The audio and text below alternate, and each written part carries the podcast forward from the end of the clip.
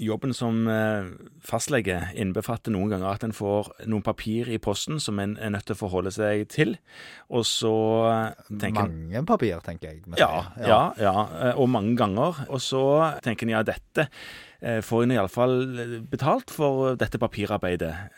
Én ting som du får i posten som du overhodet ikke får betalt for, er å fylle ut MSIS-rapporten. Når den må fylles ut. Null, Null. null kroner. Ja. Eh, går jo heldigvis fort, da, men det er Ja. irriterende å tenke at dette må du gjøre, og så tjener du null akkurat på det. Eh, en annen ting som kom i en bunke nå, ja. det var gjennomgang av multidosepasientene sine medisiner. De som jeg har på Ja. multidose. Ja, Ja. og det er jo etter hvert en del. Ja, altså det blir jo eh, Det er jo um, stadig flere som f- får dette her. Ja. Hjemmesykepleien mener at dette kan egne seg, og så får du spørsmål om du er enig i det. ja. Og så skal du gå gjennom dette her. Og det, det er jo noen ganger en del jobb der der. Og det er jo òg litt dårlig betalt. Ja, det er ENF. ENF, ENF-arbeid på her liste. Og det, det er klart at om det er dårlig eller godt betalt, det er litt avhengig av hvor mye polyfarmasi man bedriver. Ja, og noen ganger så kan du vel, hvis du er nødt til å justere og styre og ballere litt, og ta en slags legemiddelgjennomgang-takst på det. Ja, hvis det er lenge siden sist, og du er nødt til å dobbeltsjekke med epikriser for ymse instanser hvorfor denne listen ser ut som den nå gjør, Ja. så er det åpenbart en legemiddelgjennomgang. Kan du kombinere ENF og to av det? Nei, to, to, to Det vet, tror jeg ikke du kan gjøre på samme kort, i hvert fall. Nei, det tror jeg heller ikke. Men det er ikke det jeg har lyst til å snakke om. Jeg har Nei. lyst til å snakke om denne multidosekonseptet. Ja, for det det er jo et spennende og bra konsept på mange måter. Da får pasienten pakka to uker med medisiner, dose for dose, i en rull, med påstempla hva som er oppi, og hvilken dato og klokkeslett elendigheten skal tas. Mm, mm, stemmer det. Og det, hvis pasienten har tilrettelegging fra hjemmesykepleien, så kommer de ut med den rullen. Og hvis ikke, så kan de selv få den tilsendt. Så det er fullt mulig for pasienter å ha multidose uten å ha hjemmesykepleie. Da må de betale et litt forhøyet gebyr til apoteket for å få gjort pakkingen. Men, men så får du rullen hjem, og så tar du det som er i posen, til det tidspunktet som står på posen. Ja. Ja. Et av problemene som oppstår, er jo at det er ikke nødvendigvis alle medisiner man tar som er mulig å pakke i en multidoserull. Nei, for du sa at på posen så står det hva som er i posen, men det står ikke hva som ikke er i posen. Nei. For da må pasienten vite om hva medisin han eller hun tar, som ikke kommer i den rullen. Ja, for det står ikke merka på at det står ligger oppi den der lille posen. Nei. Det kan du ikke gjøre. Nei. Sånn at det er jo en del ting som ikke går i. Inhalasjonsmedisiner er veldig vanskelig å få det opp i en sånn pose. Ja, flytende medisiner, miksturer og sånt blir vrient. Kremer, alt mulig sånt, Ja. går jo ikke oppi der. Og det sier seg jo sjøl. Det som av og til er ei bombe, Ja, er tabletter som ikke går i rullen. fins det? Ja, fordi at det kan være medisiner som av ulike årsaker har en oppbevaringsforskrift som gjør at de kan ikke tas ut av sin originale pakke og legges opp i en sånn rull. Det kan være at de ikke er fuktbestandige nok, eller at de ikke er lysbestandige nok. Ja, at de skal være så tørt eller så mørkt Ja. at de ikke funker i en pose. Det, det gjelder for en del medisiner. Det gjelder for enkelte blodfortynnende, enkelte blodtrykksmedisiner. Ja. Eh, ja, du, når du sier det, så hørte jeg om en som ikke fikk sin uh, kreftmedisin. Jeg lurer på om det var Celcept. ja. Det- Og det var akkurat dette. At den kunne ikke pakkes i posen. Nei. Og vedkommende som fikk den medisinen, var ikke klar over det, og var da uten ganske viktig medisin i ganske langt Nå gikk det bra, så vidt jeg vet, men sant, det der, kan jo bli eh, Ja, alvorlig. Det, det er veldig ugreit, det. Og, Ja. og det, nesten det verste er hvis noen av medisinene kan pakkes, ikke, andre ikke kan pakkes. Ja. Altså, eh, det har vi sett, der er faktisk noen generika som ikke kan pakkes. ja, altså originalpreparatet kan, men ikke generika. Ja. Og da er det sånn at da krever det at man har tungen veldig rett i munnen når man holder på.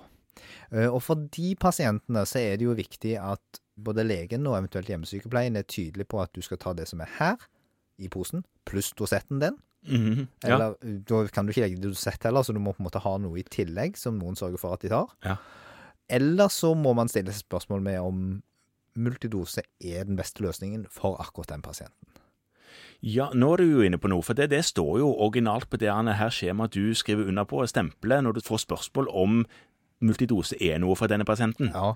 Er multidose Altså, jeg har en følelse av at multidose er kommet litt sånn inn bakveien her, og at det virker veldig, veldig bra, men så er det kanskje ikke alltid så bra. Nei, det er ikke alltid så bra. Nå går det ofte veldig greit, og det er ingen tvil om at mange i kommunene sparer mye tid og arbeid på at dette for det meste er ferdigpakka. Ja, det er sant. Og vi har en del pasienter det funker kjempegodt for. Jeg har noen pasienter som begynner å bli i større og mindre grad demente, Ja, og som kanskje ikke nødvendigvis bruker så mye medisiner, men som roter med den lille medisinen de har. ja og, den, og den burde de ikke rote med. Nei. Nei. eh, Det er veldig dumt å rote med medisiner generelt. Jo da. Eh, Har jeg tatt det, har jeg ikke tatt det. Ta Ja dobbeltdose og trippeldose. Og det er klart at selv om man bare står på en enkelt liten blodfortynnende og en, en blodtrykksmedisin, så er det dumt å ta tredobbel dose hver tredje dag.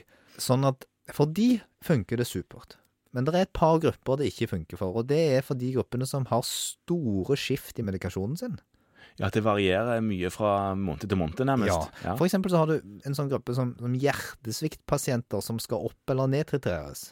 Gjerne opptitreres, da. Det er jo i første omgang det man driver med. Eh, De står jo på en masse medisiner. Og der er det jo kanskje sånn at fra hver 14. dag til hver måned til hver sjette uke, så finner en eller annen hjertesviktsykepleier, fastlege eller kardiolog på at nå skal vi justere på noe. Ja, og, og, og da skjer det ofte bølger i de andre medisinene den pasienten tar i tillegg. Ja, og det å på en måte henge med på noe som da skal doseres hver 14. dag, det blir bare rot. Så de pasientene skal man kanskje holde ute av multidose. Inntil man har fått stabilisert seg. Inntil man har fått stabilisert seg og med en rimelig grad av sikkerhet tenker at sånn blir det en stund. Og det kan gjelde andre ting. Det kan gjelde psykofarmaka, der man også er i opp- og nedtrapping. Litiumdosering i, når man holder på å justere det. Ja. Og det å være litt sånn edruelig med at akkurat nå holder jeg på med noe som gjør at det her har jeg tenkt å ombestemme meg ofte, og da si tydelig ifra om at da er det ikke lurt med multidose, selv om kanskje andre aktører har lyst på det. Mm. Det tror jeg vi kan stå for. Ja, ikke bare stå for, men det er, nok, det er nok viktig for å hindre at man feildoserer annenhver måned. Liksom. Ja, også i tillegg er det sånn at multidose for de som står på sine faste medisiner og kanskje har behov for litt hjelp til å ta medisinene, så er det en kjempegod løsning. Og da er det sånn som det er her i verden, at hvis vi bruker dette nyttige hjelpemiddelet feil, så kan vi risikere at hele greia havner i miskreditt. For det vi husker, vi er ikke bedre enn andre, vi husker jo dritten. Så vi husker jo når dette ikke funka. Ja, det er sant. Og så de gangene det går helt smooth, så tenker vi ikke så mye på det. Nei, da var det mer selvsagt at det var sånn det skulle være. En siste gruppe som kan være nyttig, som noen ganger har glede av det, det er pasienter som bruker potensielt vanedannende medisiner. Å ja vel? Som kanskje har litt problemer med å styre dette sjøl. Da er det jo sånn at det er i hvert fall vanskelig å miste noe mer enn rullen. Ja, det er jo helt riktig. Og noen steder nå så er det jo sånn at pasienter får sånne automatiserte dispensere som spyr ut én og én dose. Ja, At du får det til hjemmebruk? Ja. Ja. Liten, kjekk maskin som sier fra at nå er det på tide å ta medisinen din, og som gir deg den dosen du skal ta da. Og der du må knotte litt for å få ut noe mer. Hvis du skal reise bort, f.eks., så kan du si at nå reiser jeg bort i tre dager, kan jeg få ut medisinen min for det. Men ellers så kan du overstyre den. Og det er et kjempegodt hjelpemiddel, både for de som kanskje har en tendens til å ta medisin når de ikke skal, Mm. eller fordi de ikke helt husker om de har tatt. Men disse da med vanedannende medisiner, de får òg For de færreste de har jo hjemmesykepleie.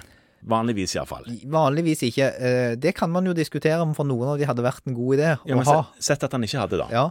Vil det da være sånn at vedkommende vil få to ukers forbruk i én eh, sleng? Ja, og det gjelder jo egentlig alle, uansett om det er vanedannende eller andre medisiner, så kan pasienten godt få multidose uten å ha hjemmesykepleie.